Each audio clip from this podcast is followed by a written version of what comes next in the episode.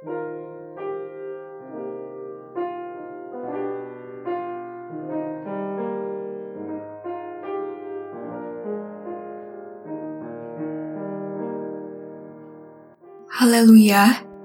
Pendengar yang terkasih dalam Tuhan Yesus di mana pun Anda berada, damai dan sukacita menyertai kita semua. Renungan sauh bagi jiwa yang disajikan Gereja Yesus Jati berjudul Bahagia, Miskin dan Kerajaan Surga. Dalam nama Tuhan Yesus membacakan renungan firman Tuhan.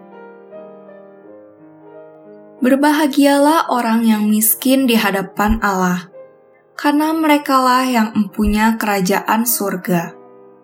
Matius pasal 5 ayat 3 Setelah Yesus mengajar dan menyembuhkan banyak orang, semakin banyak pula orang yang mengikuti dia.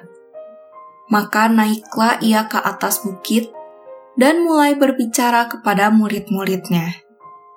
Yesus memulai khotbah di bukit dengan berkata, "Berbahagialah orang yang miskin di hadapan Allah, karena merekalah yang mempunyai kerajaan surga." Apa artinya berbahagia?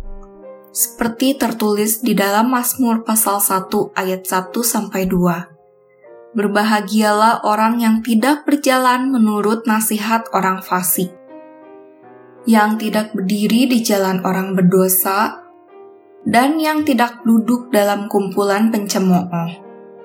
Tetapi yang kesukaannya ialah Taurat Tuhan, dan yang merenungkan Taurat itu siang dan malam. Jika kita melakukan hal-hal tersebut, Tuhan akan melimpahkan berkatnya, yaitu kebahagiaan kepada kita. Bagaimana dengan perkataan Tuhan mengenai miskin di hadapan Allah? Miskin artinya tidak mempunyai apa-apa, tidak mempunyai pengaruh atau kuasa.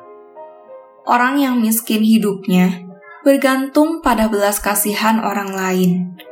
Kemiskinan bisa memiliki dua makna, yaitu miskin secara materi dan miskin secara rohani.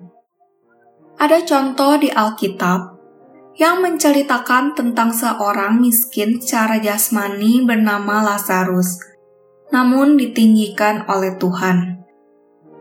Kemudian contoh miskin secara rohani adalah jemaat di Laodikia. Hal yang dihendaki Allah adalah kita merasa miskin di hadapan Allah. Artinya kita merasa tidak mempunyai apa-apa di hadapan Allah orang yang hina dan tidak layak di hadapan Allah, sehingga hidup kita selalu bergantung kepadanya. Di dalam Lukas pasal 18 ayat 9 sampai 14 dituliskan tentang orang Farisi dan pemungut cukai yang sama-sama berdoa di bait Allah. Namun sikap doa mereka sangat berbeda. Dalam Alkitab terjemahan bahasa Inggris tertulis, Bless are the poor in spirit, for theirs is the kingdom of heaven. Jadi arti kata miskin di dalam Matius 5 ayat 3 ini terkait dengan hal yang rohani atau dengan kata lain adalah merasa miskin di hadapan Allah. Mengapa orang-orang demikian dikatakan sebagai yang mempunyai kerajaan surga? Kerajaan surga adalah tempat kediaman Allah dan tempat Allah memerintah. Di sana umatnya juga akan tinggal. Yohanes pasal 14 ayat 3 Seseorang yang dapat masuk ke dalam kerajaan surga bukan hanya karena melakukan perbuatan baik, tetapi mereka yang melakukan kehendak Bapa. Matius pasal 7 ayat 21 Nilai-nilai kerajaan surga sering kali berbeda dengan prinsip-prinsip yang diajarkan dunia.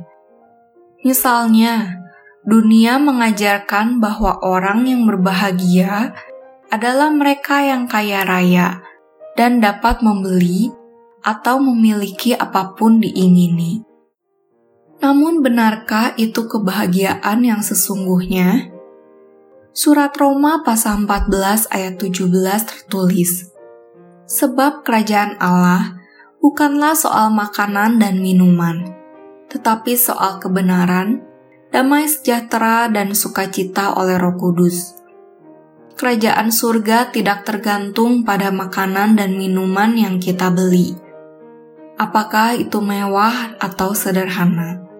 Melainkan tentang kebenaran, Itulah yang seharusnya menjadi nilai yang paling utama di dalam kehidupan kita. Kebenaran itu artinya kita memahami segala sesuatu yang diajarkan Tuhan Yesus dan menjalankannya di dalam kehidupan nyata.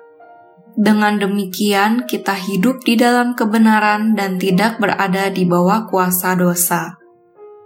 Marilah kita renungkan apakah sikap hidup kita sudah menunjukkan bahwa kita merasa miskin di hadapan Allah, sehingga kita bisa kelak memiliki kerajaan surga. Kita percaya kebahagiaan yang sejati hanya berasal dari Tuhan saja. Kiranya dengan tuntunannya, kita dapat memahami kebenaran yang berasal dari Dia agar kerajaan sorga dapat kita miliki. Tuhan Yesus menyertai kita semua. Amin.